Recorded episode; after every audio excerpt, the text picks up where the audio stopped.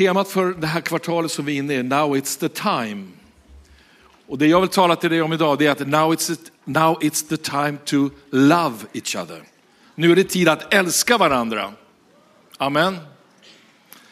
Jag måste säga ärligt, varje morgon när jag vaknar, jag tror att det är precis, det är precis likadant för Carolina och mig. Varje dag är vi så tacksamma att vi får leva än i ett fritt land. Att vi får bo, ha tak över huvudet, får äta oss mätta varje dag. Jag är så tacksam till Gud att jag får läsa min bibel utan att någon hindrar mig. Amen. Ibland är det svårt tycker jag att titta på nyheter. Jag följer med därför att man, jag måste veta vad som händer. Men äh, varje aktuell sändning får mig alltid bara brista i gråt. Över situationen för Ukrainas folk. Jag tänker på alla dessa tiotusentals döda ryska soldater som har fått offra sitt liv för ingenting. Unga män. Jag hörde att de har skickat ut precis ny, nya värnpliktiga ut i kriget som inte ens vet vad det handlar om. Människor förlorar sitt liv. Det är svårt att se det här. Jag vet inte vad du säger, men ibland vill jag bara undvika att se alla de här sändningarna därför att det plågar mitt hjärta ibland så oerhört mycket. Men samtidigt så kan jag inte låta bli att tacka Gud för vårt land. Be för våra gränser. Tacka Gud att vi får leva i den här friheten. Är du tacksam för det? Amen. Men det är tid att älska varandra. Kära vänner, det är alltid en glädje att se församlingen första söndagen. Och det är speciellt när vi har med våra locations också. Göteborg, Södertälje, Visby, Malmö och Ejon. Hela Wow Church i Sverige och Spanien kommer tillsammans för att fira gudstjänst och ta emot hans ord. Och den här helgen som vi vet nu så har vi haft ungefär 90 totalt som har gått på våran encounter. I Göteborg, i Södertälje och här i Stockholm. När vi blir frälsta och tar emot Jesus som vår Herre och Frälsare, då får vi syndernas förlåtelse och vi kommer in i Guds familj. Det betyder att du som har tagit emot honom, du är ett barn till Gud och församlingen är ditt hem. Det är ditt hem, det här är ditt vardagsrum. Det är fantastiskt att kunna möta troende kristna över hela världen och känna att vi är släkt med varandra i anden. Vi har bott i Indien och vi har rest i många olika länder och där har vi mött troende syskon. Och när vi har gjort det så har vi omedelbart känt en gemenskap med dem fast vi aldrig har träffat dem. Vi har alltid en gemenskap i anden med Guds folk som gör att vi känner oss som familj och som släkt på grund av Jesu blod. Förra helgen så var Carolina och jag som du vet i Göteborg, i Wow Göteborg. Vi hade inte träffat alla som hade kommit till sen vi, besökte dem senast. Men vi kände omedelbart när vi träffade dem att vi var ett i Kristus. Vi kramade om varandra, vi skrattade och vi grät med varandra. För Guds kärlek bor i våra hjärtan. Som du ser omkring så är det här dina syskon. Det är dina fäder, mödrar, kusiner, bryllingar, trillingar, hör jag säga, inte, heter det inte. Men det är dina släktingar. Vi är släkt med varandra. Församlingen är fantastisk. Församlingen är det vackraste som finns här på jorden. Församlingen är Guds ögonsten. Och du är en del av församlingen och därför så ska du känna dig som hemma och du ska älska den. Amen.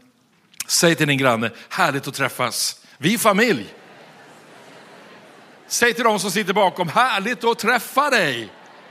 Vi är familj, glöm inte det. Vi hör ihop och vi är alla lemmar i Jesu kropp. Vi är beroende av varandra. Jag är beroende av dig. Jag är inte bara beroende av min fru, jag är väldigt beroende av min fru. Men jag är väldigt beroende av dig också. Utan dig så vore det ingen församling. Johannes kapitel 1, vers 12 säger så här, men åt alla de som tog emot honom så gav han rätten att bli Guds barn. åt de som tror på hans namn. De är inte födda av blod eller av köttets vilja eller av någon mans vilja. De är födda av Gud. Att komma in i Guds familj, det är ingenting som du behöver ansöka om. Det är ingenting som du behöver vänta på.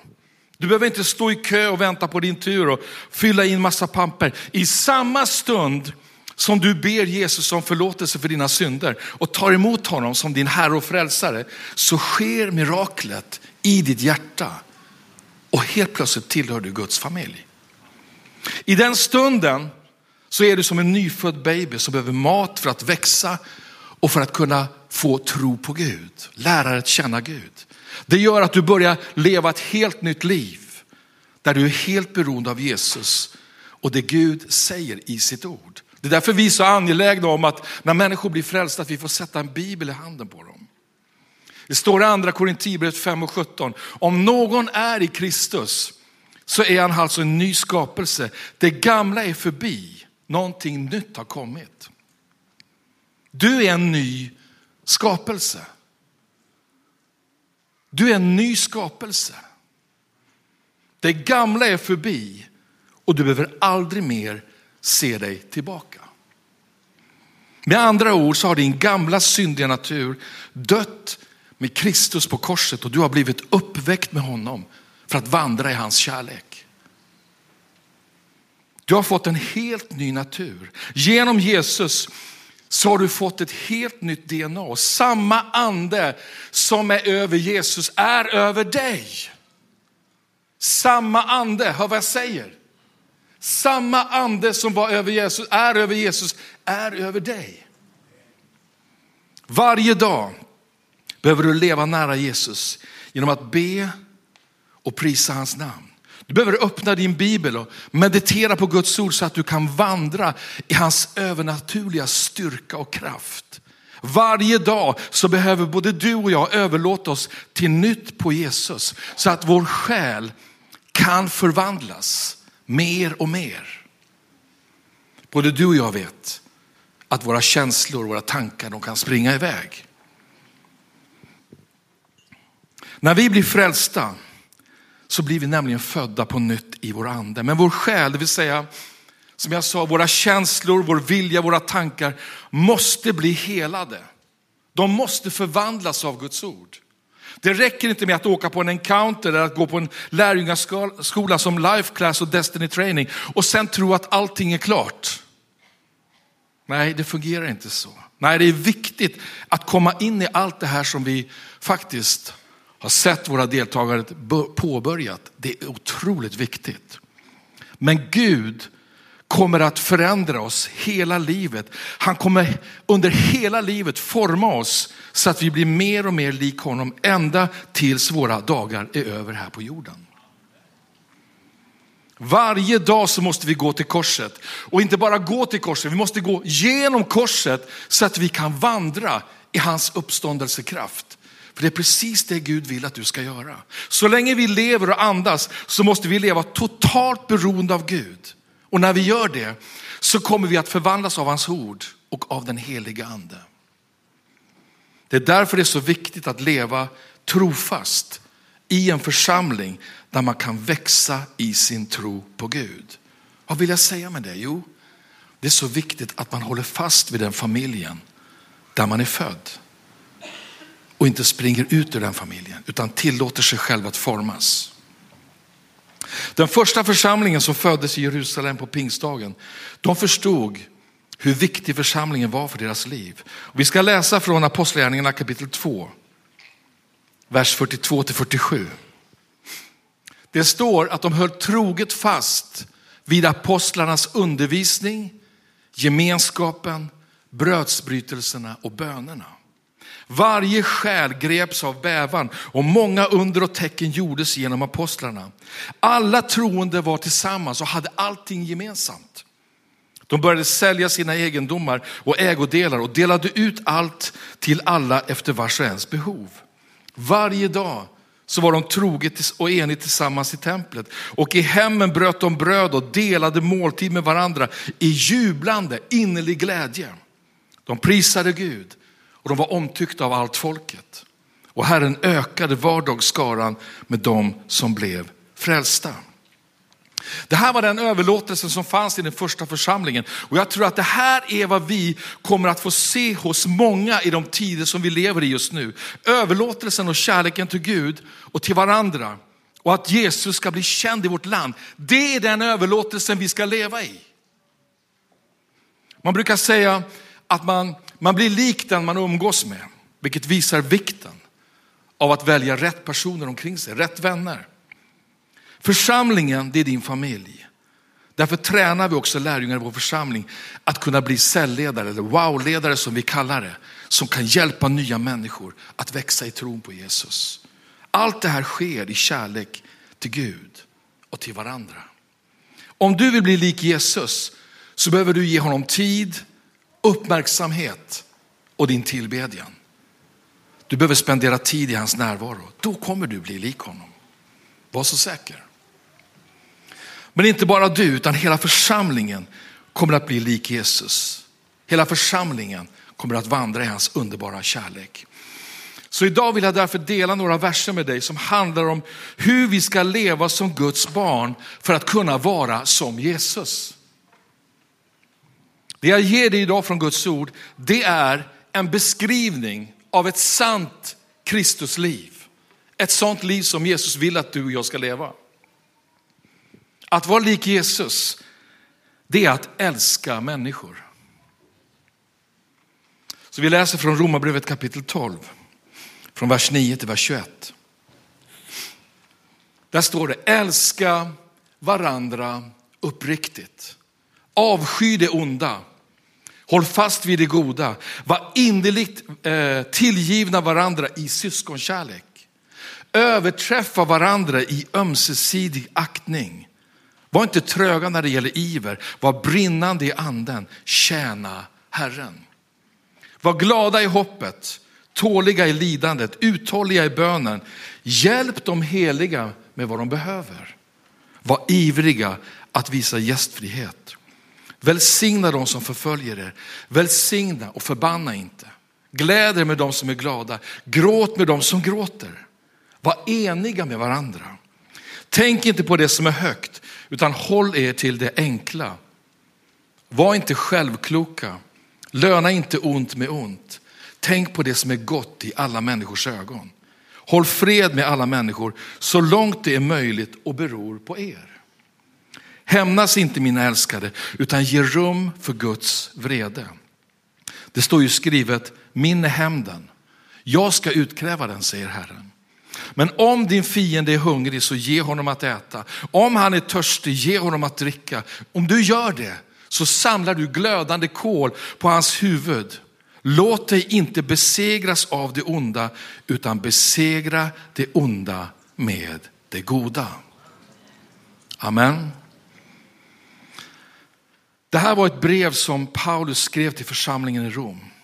Han skrev de här orden i en tid av oerhört, oerhört stora påfrestningar i samhället. Det var tider då de kristna var både förföljda och hatade. Det var en tid då man lätt kunde frestas att tappa kärleken till sina medmänniskor.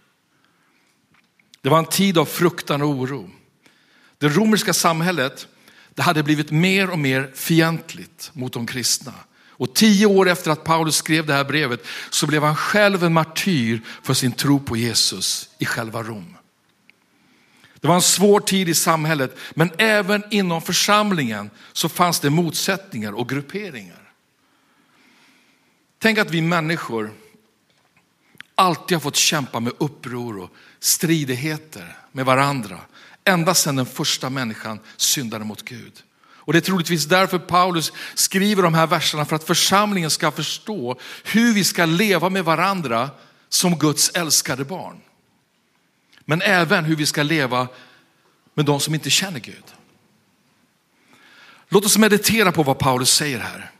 Eftersom det här är Guds ord som talar både till dig och mig idag.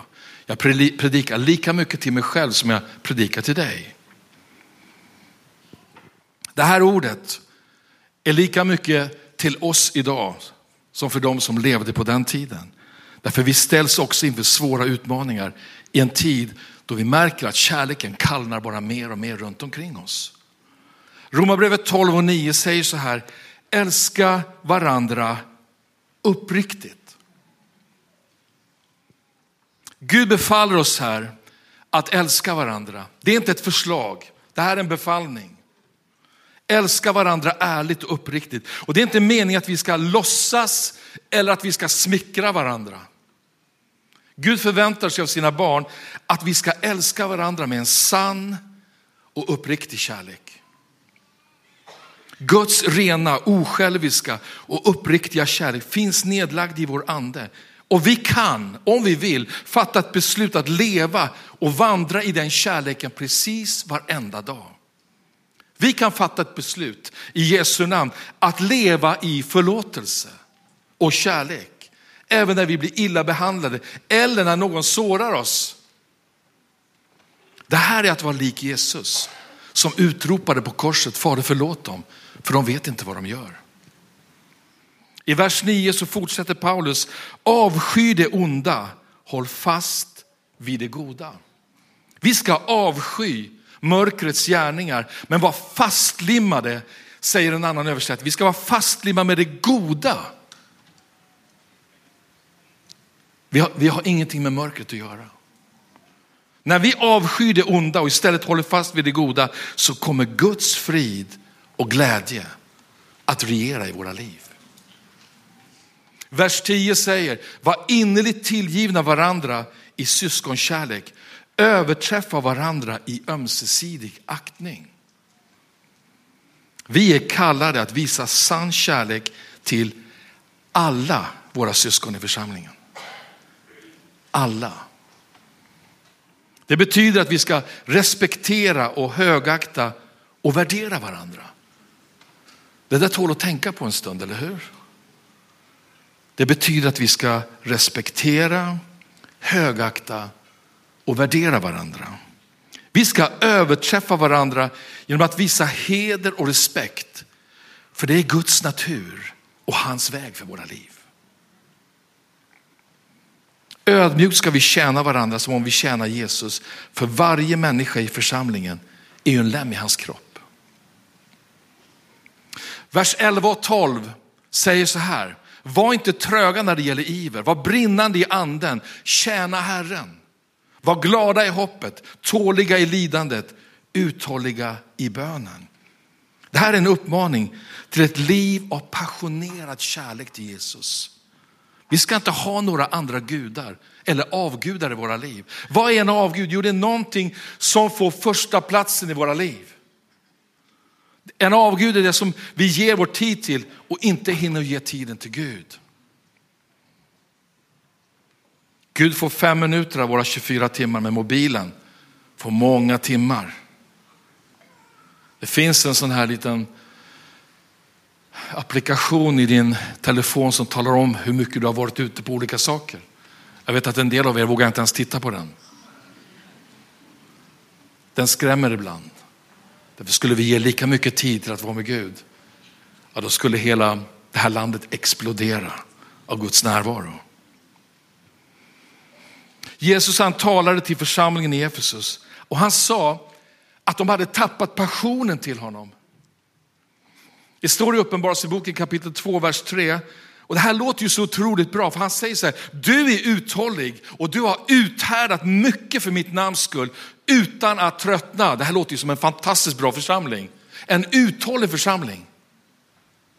Som inte har tröttnat.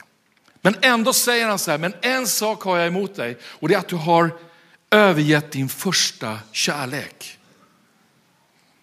Älskade vänner, vi får aldrig tillåta att någonting sånt händer i våra liv. Jesus måste alltid ha första platsen. Han är den vi tillber, han är den vi lever för. Vi behöver vara brinnande i anden. Vi ska aldrig säga nej till att tjäna honom. Vi ska inte vara lata och vi ska inte vara tröga. Nej, vi ska brinna av kärlek till Jesus i våra hjärtan. Amen.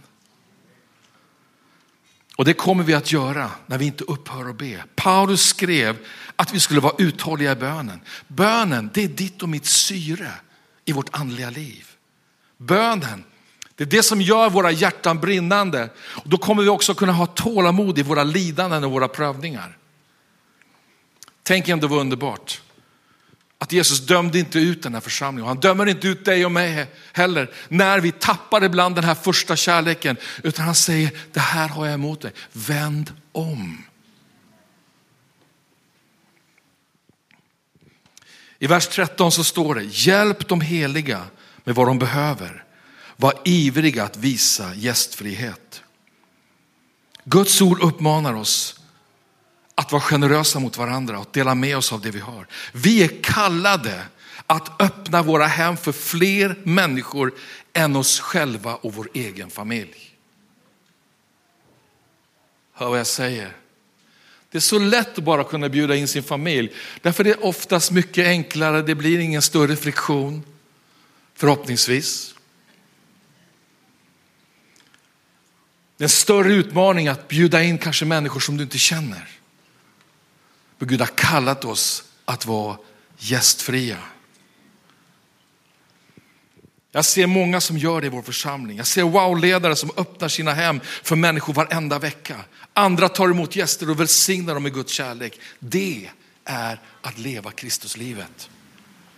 Jesus hade alltid folk utanför dörren som väntade på honom i Kapernaum. De satt i hans trädgård hela dagen och han betjänar dem. Han bjöd även in sina lärjungar att vara hemma hos honom. Det här är ett sant kristet liv. Det är så här vi kommer bygga en stark församling. Amen. Jag hade en period i mitt liv, det var en fruktansvärd tid. Jag var livrädd att ta hem folk. Därför jag var så rädd att de skulle spela på mattan, i soffan. Och jag kommer ihåg, jag kunde inte ens, jag, jag kommer ihåg när vi hade folk hemma, de satt och drack kaffe liksom i nya soffan. Jag kände att jag var tvungen att gå ut i mitt sovrum och bara lugna ner mig för jag, så jag tänkte jag orkar inte se om det händer någonting. Du kanske är sån nu. Jag är inte sån längre, inte så mycket i alla fall.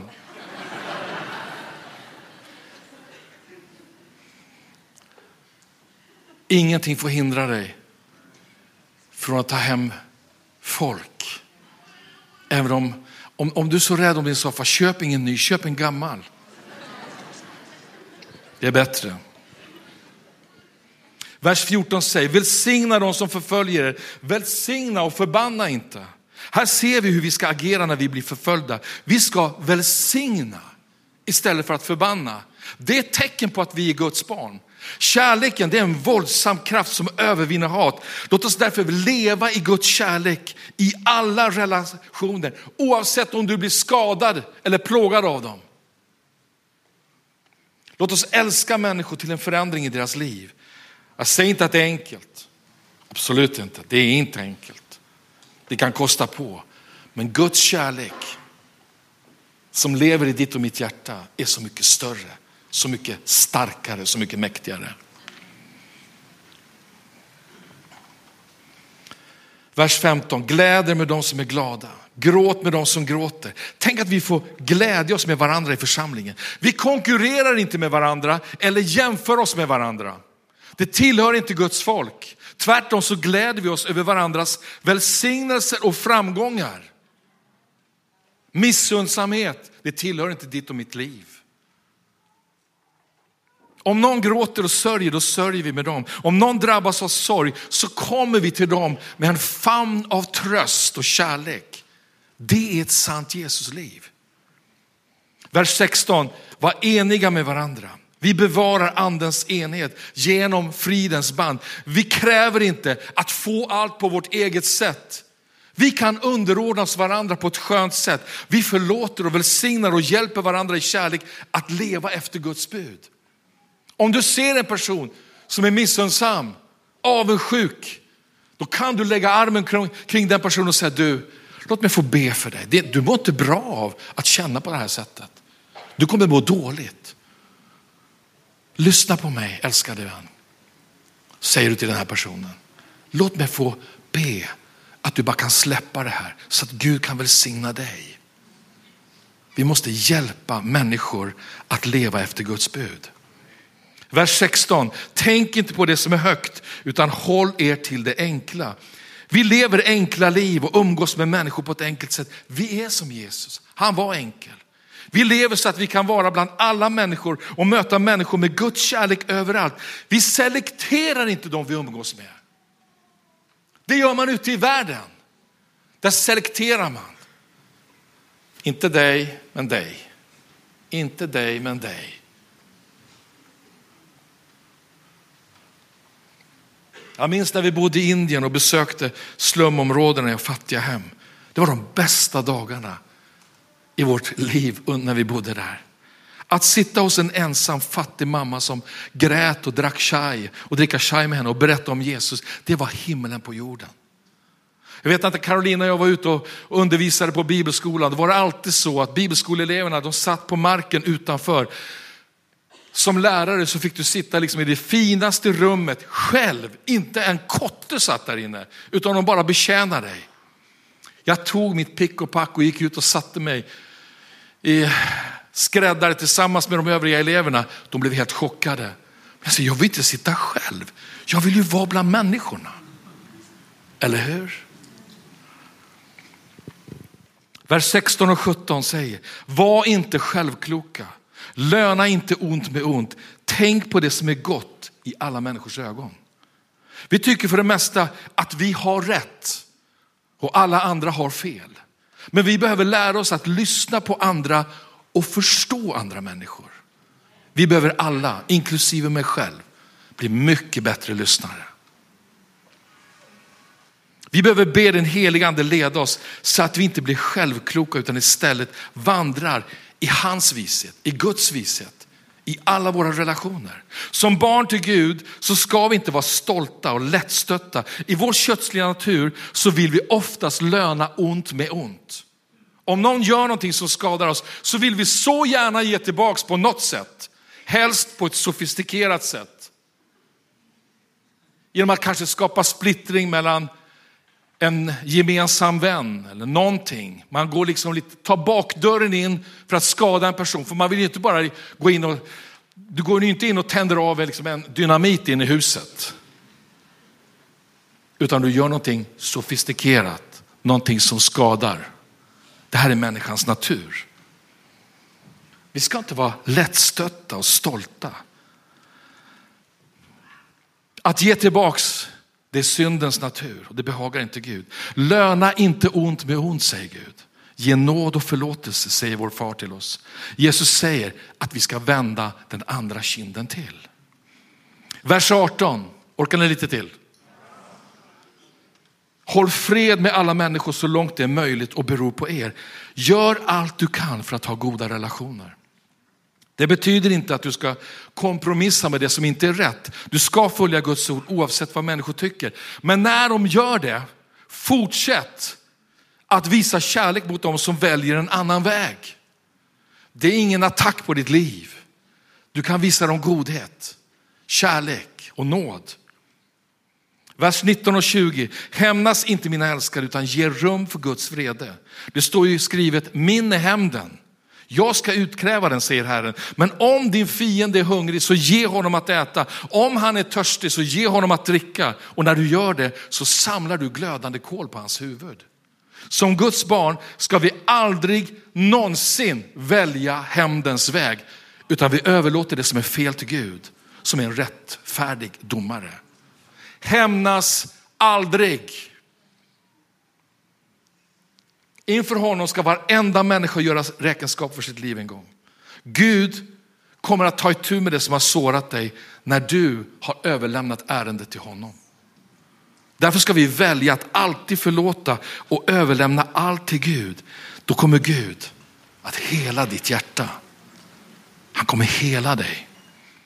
Slutligen kommer sammanfattning om allt det som jag undervisat dig om idag och som står i alla de här verserna i Romarbrevet 12. Det står Låt dig inte besegras av det onda, utan besegra det onda med det goda. Tillåt inte mörkret, synden och ondskan att besegra dig i den här tiden av stora utmaningar. Istället så kan du välja att besegra det onda med det goda. För Jesus har frälst dig, han har rest upp dig och han har gjort dig till ett barn till Gud. Vilken manual som jag har gett dig idag för att vi alla, så att vi alla, som visar att vi alla har fått nåden och privilegiet att kallas Guds barn. Om du läser Romarbrevet 12 så har du direkt en manual för ditt liv. Det här som jag har tagit upp med dig idag, det här är den kultur som ska råda i våra personliga liv. Den ska råda i våra familjer och den ska råda i vår församling. När vi lever så här, då är vi sanna lärjungar till Jesus och församlingen kommer vara en plats av vila, en plats av frid och glädje. Kommer vara en plats av helande i en tid av mörker som vi möter just nu. Så låt den här första söndagen i maj 2022, låt det vara en dag då du och jag överlåter oss på nytt till att leva våra liv i Guds kärlek till varandra.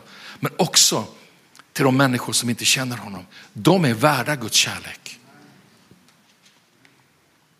Allt som jag har delat med dig idag längtar Jesus efter att få se i ditt och mitt liv.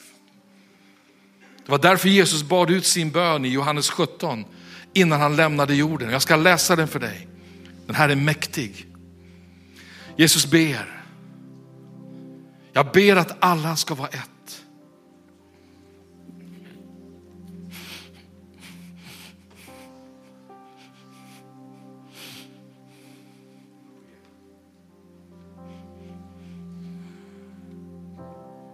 Jag ber att alla ska vara ett. Att de ska vara i oss. Liksom du far är i mig och jag i dig. Då ska världen tro att du har sänt mig. Och den härlighet som du har gett mig har jag gett till dem för att de ska vara ett liksom vi är ett. Jag i dem och du i mig. Så att de är fullkomligt förenade till ett. Då ska världen förstå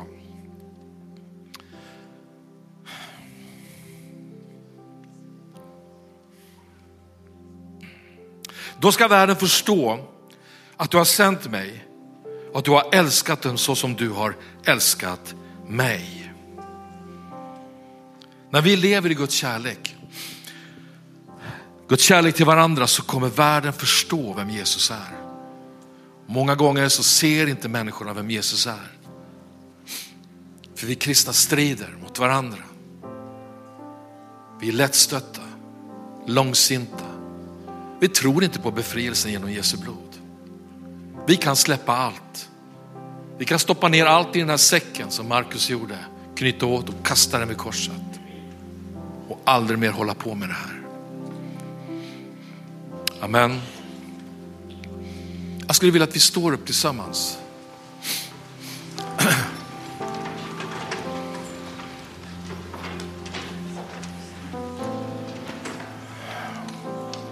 Jag skulle önska att vi tillsammans kunde överlåta oss idag till att leva i Jesu kärlek.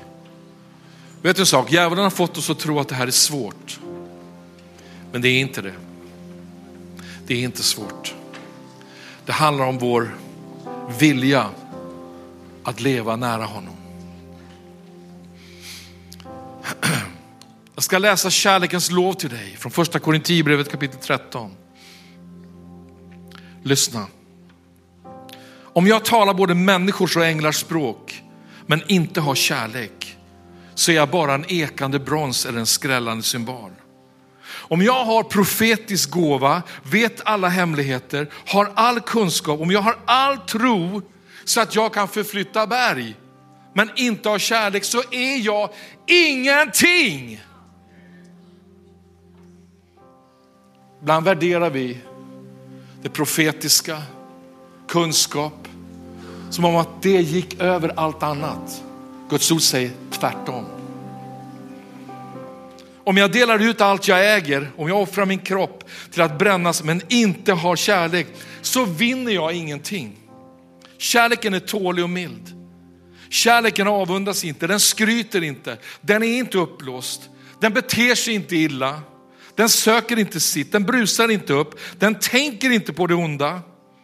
Den gläder sig inte över orätten, men gläds med sanningen. Allt bär den, allt tror den, allt hoppas den, allt uthärdar den. Kärleken upphör aldrig. Men, lyssna, profetiorna ska försvinna. Tungomålstalen ska tystna och kunskapen försvinna. Vi förstår bara till en del och profeterar till en del. Men när det fullkomliga kommer ska det som är till en del försvinna. När jag var barn talade jag som ett barn, tänkte som ett barn, förstod som ett barn. Men sen när jag blivit vuxen har jag lagt bort det barnsliga. Nu ser vi en gåtfull spegelbild. Men då ska vi se ansikte mot ansikte. Nu förstår jag till en del, men då ska jag känna fullkomligt så som jag själv blivit fullkomligt känd. Nu består tro, hopp och kärlek, dessa tre. Men störst av dem är kärleken. Kärleken. Amen. Vi bara sluter våra huvuden och bara be efter mig. Om du vill. Älskade Jesus. Tack för ditt ord. Som skalar bort all religiositet. Den här stunden vill jag komma tillbaks till den första kärleken. Jag vill leva för dig. Varje dag. Varje dag vill jag gå genom korset. Så att du kan tala till mig. Så att du kan rena mig. Varje dag vill jag höra ditt ord tala till mig. Varje dag vill jag tala med dig. Jesus, i kraft av ditt blod så överlåter jag mig på nytt till att älska dig, att älska människor, att älska församlingen, att älska människor på min arbetsplats, på min skola, var jag än befinner mig så vill jag att din kärlek ska flöda ut ur mitt liv. Jesus, jag vill inte göra dig besviken. Jag vill att mitt liv ska behaga dig. Därför ber jag dig, rena mig i ditt blod. I Jesu Kristi namn. I kraft av ditt namn Jesus så förlåter jag varje person som har skadat mig, sårat mig. Varje oförrätt kastar jag på korset. All min stolthet och att bli lättstött kastar jag på korset. Och jag förlåter varje gliring, varje förbannelse som har blivit uttalad mot mitt liv. Jag tackar dig Fader att jag får lägga dig vid korset och förlåta i kraft av namnet Jesus. Tack att du tar emot mig nu och renar mig i Jesu namn.